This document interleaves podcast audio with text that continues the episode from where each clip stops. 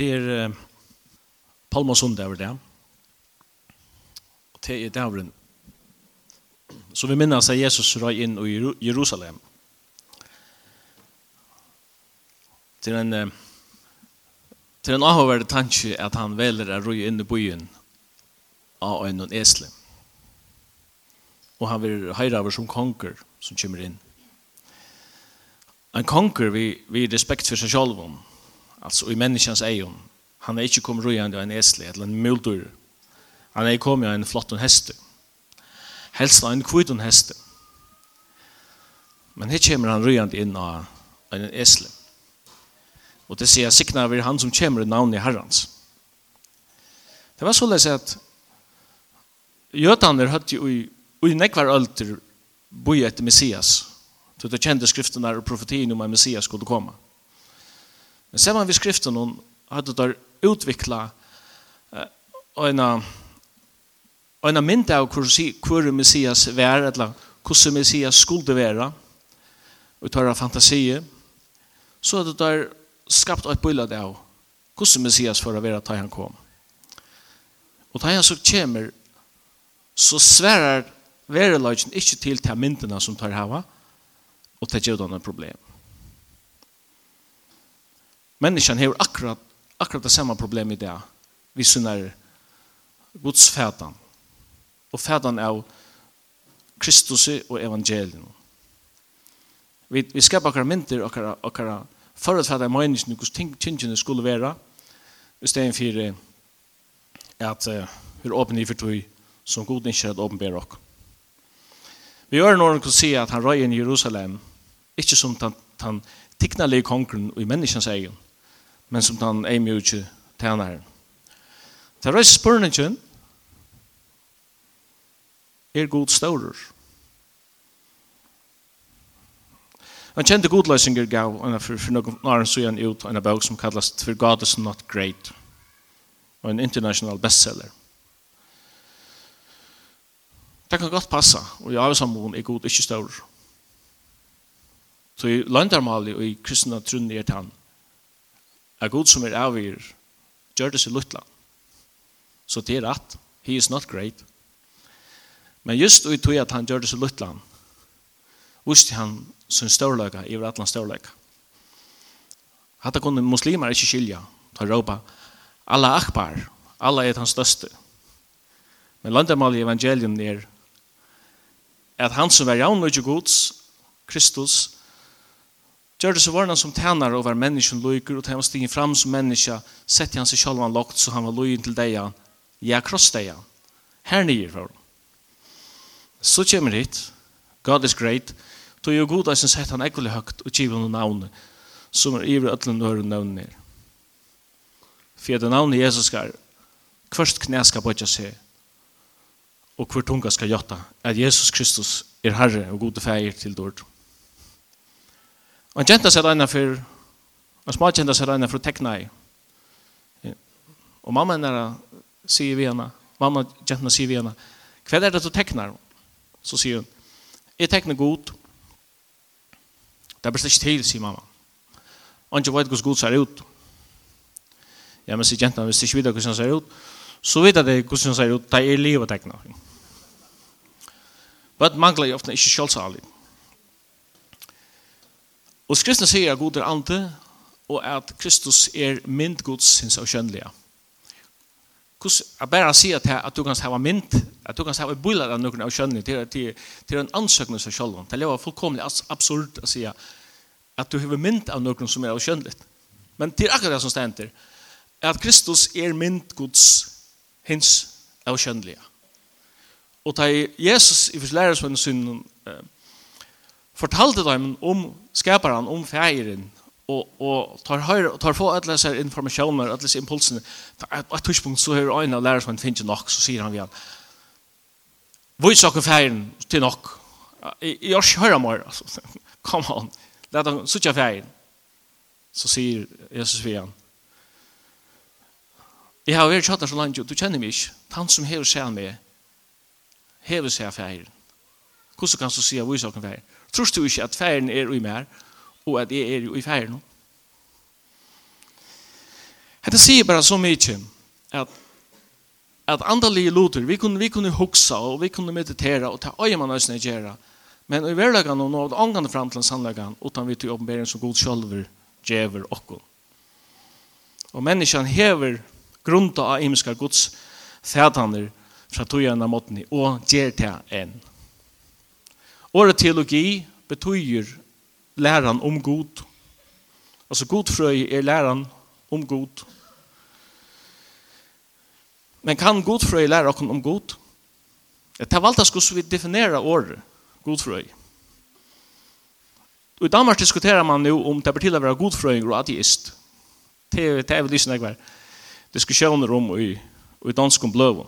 Det betyr å være godfrøyinger og og å være ateist. Det er ikke man bare som definerer hodteisje godfrøy. Hvis jeg spyrer deg, blir det til å være støttfrøyinger og ikke trykke på tøl, så vil jeg si nei, det er til å være pura absurd. Blir det til å være evnafrøyinger uten å trykke på atomer, selv om det ikke det. Blir det til å være godfrøyinger uten å trykke på god. Ja, det valgtast. Hvis det godfrøy avmarsker seg til akkurat fætan av hvor god er, menneskens fætan av gode, ja, så kan man sagt hans være. Eller vi kunde vänta spårningen är inte provokerande så jag blir det till över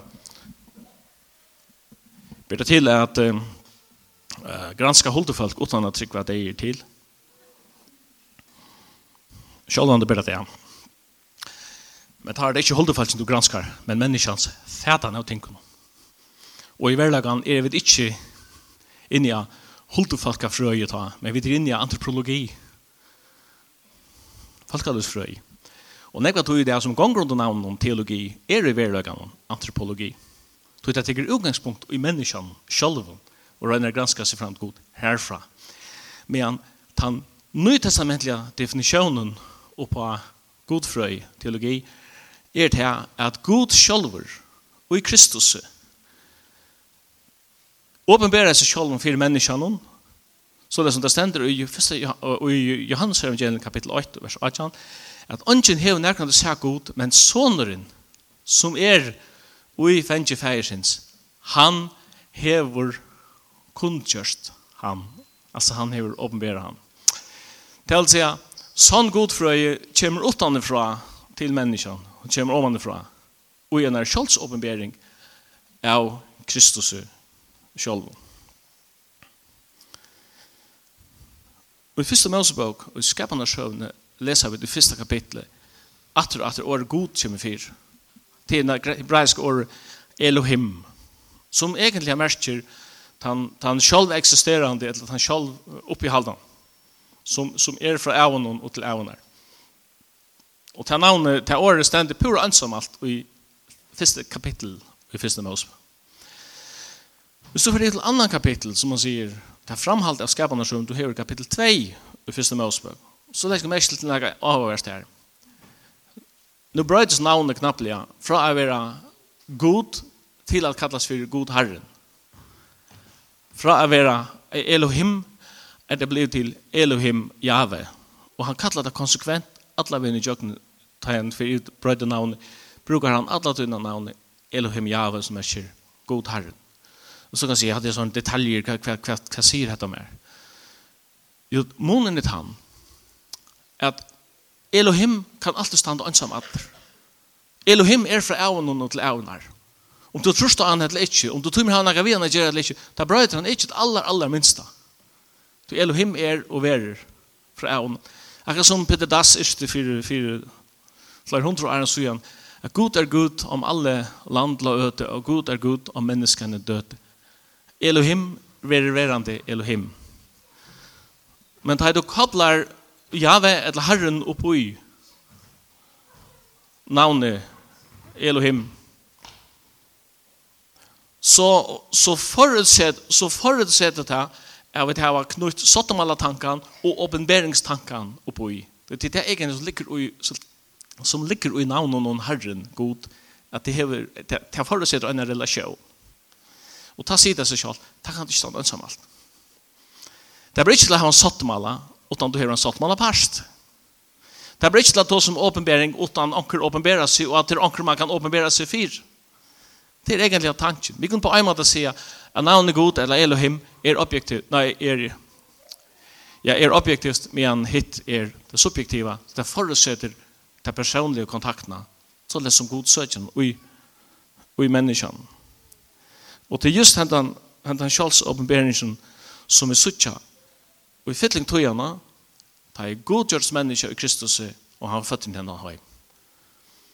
Og til nekve det er som, ganske innenfor enda den kristne høymen som, som trykker Jesus var bare en omvandrande, en omvandrande lærer, og ikke mer enn det.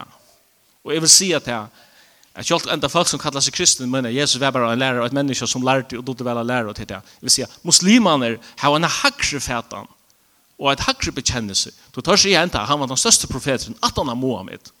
Så, så der har han sett han hakre.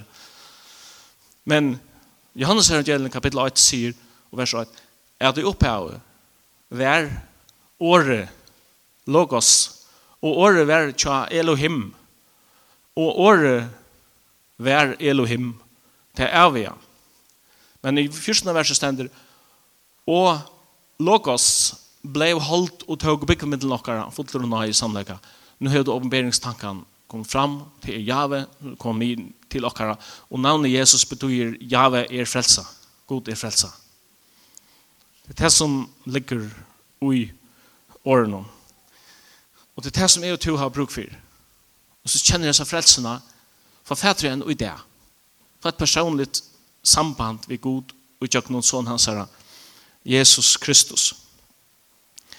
Augustin sier ena for at mennesker er jo skapt til samfella vi god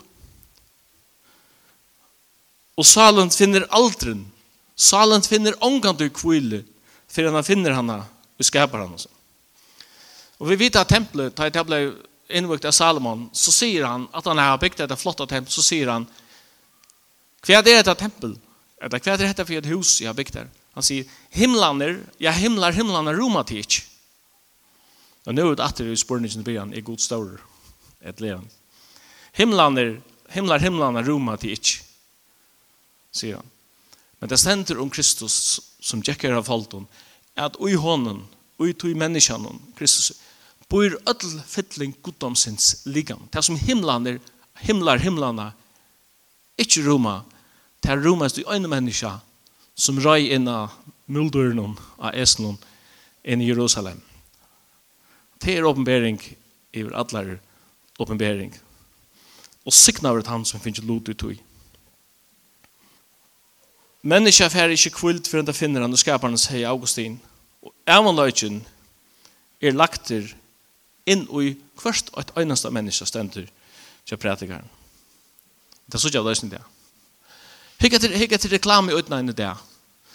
Som lovar evig en ungdom bare du gjerst et eller annet, eller etter til og til. Av menneskene innast inn her en innbygda troen etter å livet av det.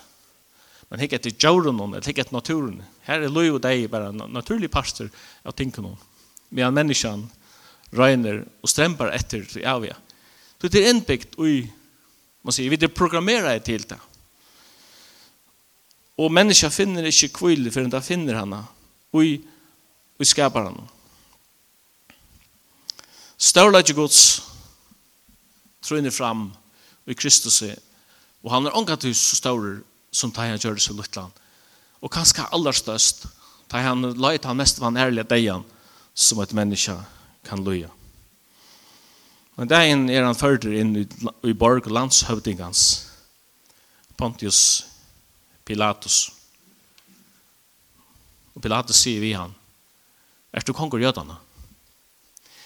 Det er ikke alltid så lett å svære på han, ja og nøye spørninger. Det kjente Kristus til.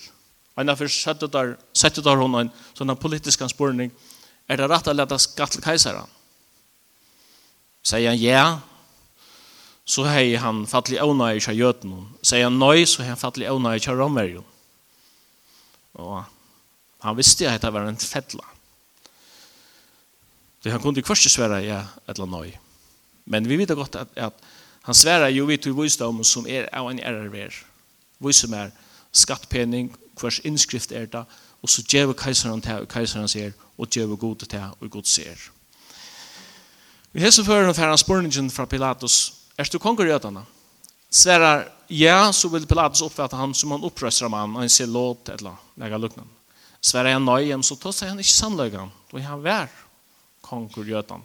Men ikkje konkur oppa tammatan som Pilatus oppfæt ei begrep. Hva gjerst du så? Spurningen er òsne politisk. Til Pilatus var jo en som var kjender av rammerska hersetting av alten for at oppihalda av laura og ordan og i, og i rujtjen og i landen. Så Jesus sier vi han sier du hatt det av sjolven eller er andre som har sagt det om meg? Så sier Pilatus, kanskje jeg synes det irriterer meg. Er det en av gjøte? Så sier han, Følt ikke at her hever, hever utleveret til moin. Hva hever du gjørst? Og så kommer svær. Mot kongadøme er ikke av hesson heim. Hei, da ver, hei mot kongadøme ver av hesson heim, så er det min tænare strust, det gjør man jo i hessar ver. For jeg oppihalda sin makt, så, så fer man, så grøp man enda til vapnen. Mot kongadøme er ikke av hesson heim.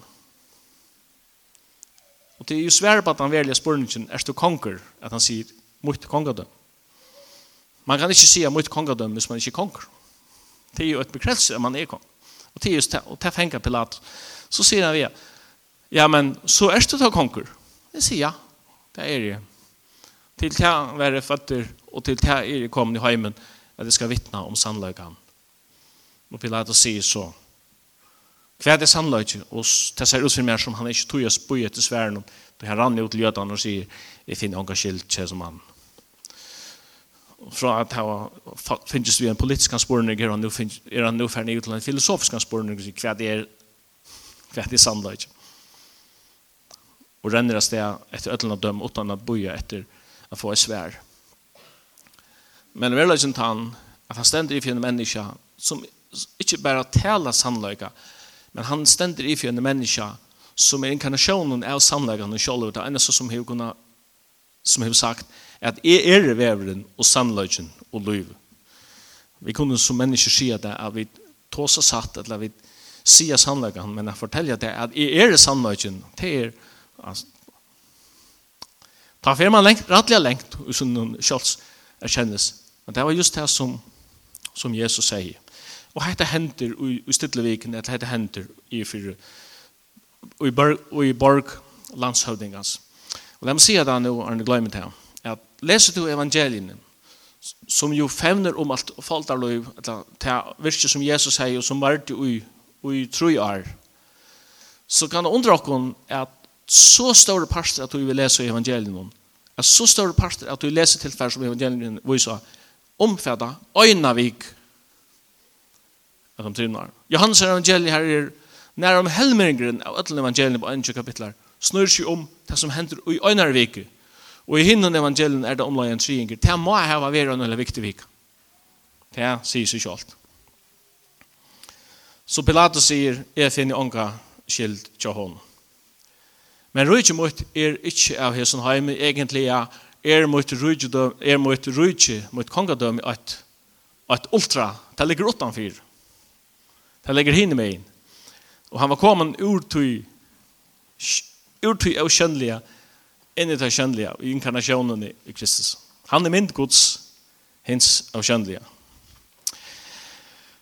Og en av funnes da, en av funnes da folkaslø i, i Mielhavn som kallet i Gibraltarsundet for uh, non plus ultra. Og or non plus ultra merker at det er ikke hinne mennene til var ikke hinne menna. At det var øyne skriva og atla som en avværing til sjåmenn om ikke affær ut ur Mielhaven ut i Atlantshavet. Så det var ikke hinne menn, og kanskje er en øtta fyr, at man, hvis man silti ut om, at man så silti ut det og enda jo en avgrunn her som vattnet rann, eller hvordan det har at man nå enda fra hei. Det kallar det non plus ultra. Men da Columbus fann Amerika, så finner spanjolar seg hese åren i kjaldramerskju plus ultra. Plus ultra tar det tidsu noen vekk. Det var ikke hinne meg, du tar det veri hinne meg.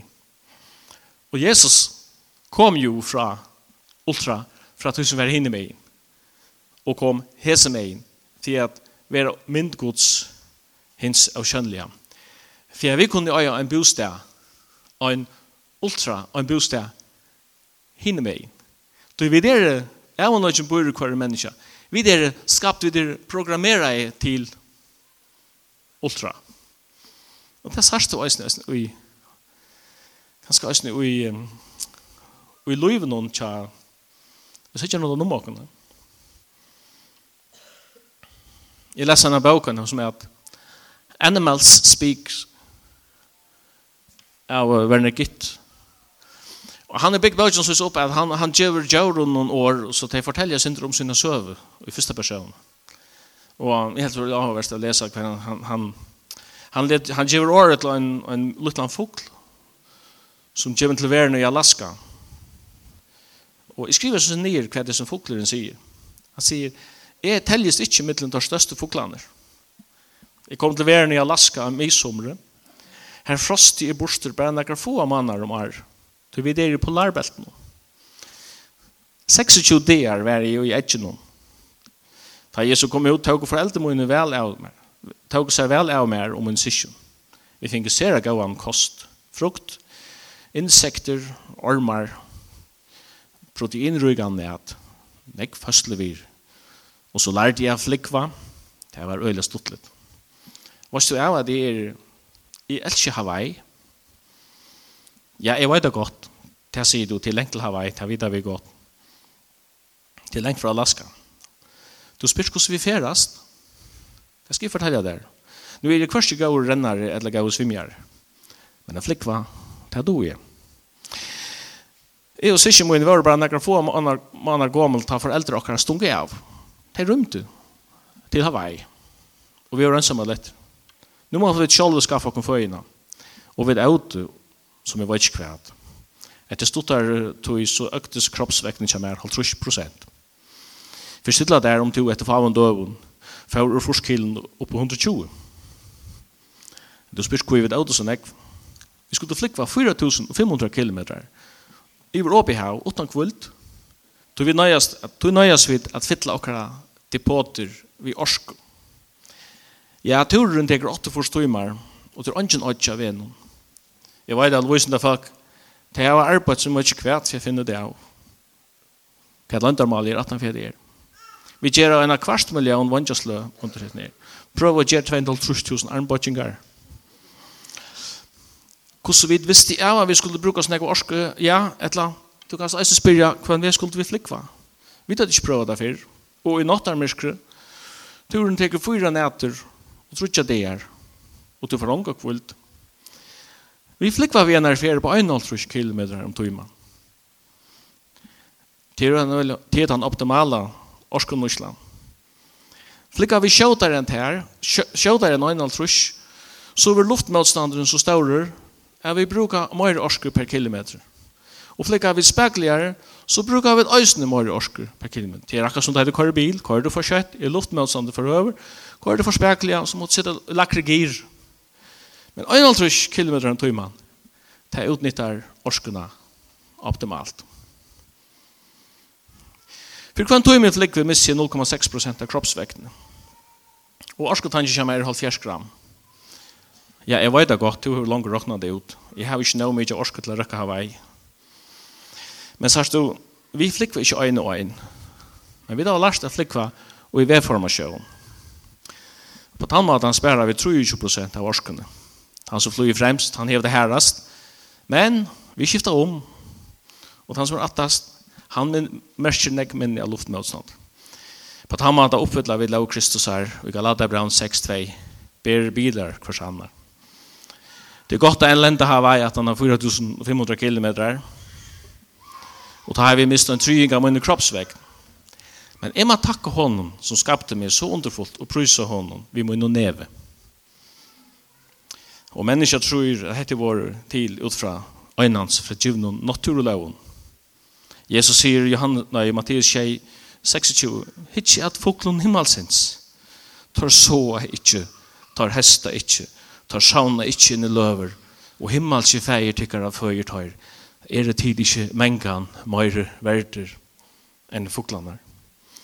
Og fokleren som kommer til verna av Alaska, og som omgang du i høy Hawaii, tror på et plus ultra.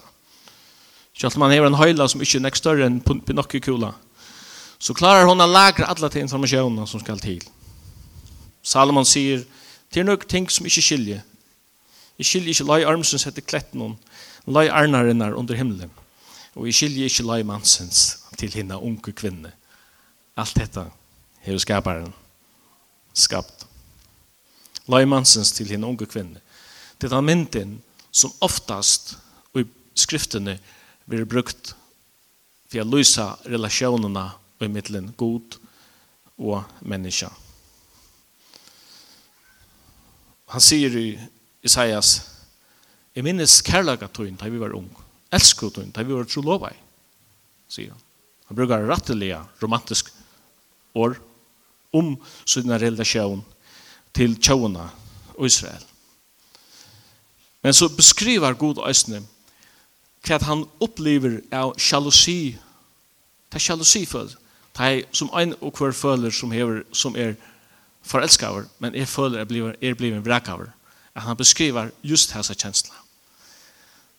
Det er akkurat tog at, at Hoseas, profeteren, fikk bo om fra god til å ut og få seg en prosedere kvinne til kone. For at han skulle oppleve til pynene som Gud opplever ta i mennesker vende seg bort ifrån som skapte mynd Guds og som er, er nekmare verd enn spørvann. La meg enda vi Efesus braunen øren kapitlet. Det stender at vi krosse synden hever Kristus gjørst fri. Det er åpenberingen i, i alle åpenberinger. Her gjør det god seg litt land, og her viser han just sin, sin størløyga vi krossen om. Du sier, jeg vet ikke hver du er, hver du er last, hver utbygging du hever, sånn. men jeg sier at vi til, at hvis du ikke hever krossen, så mangler du alt. Det her menneskene, fer fri i salene, det han kom og å ta det fri, som lengt bort til å være, og øyne tøymen fri, som nærer. Så, Herren sikten tikkun öll, og innskje tikkun eisne, enn sikten tikkun postur.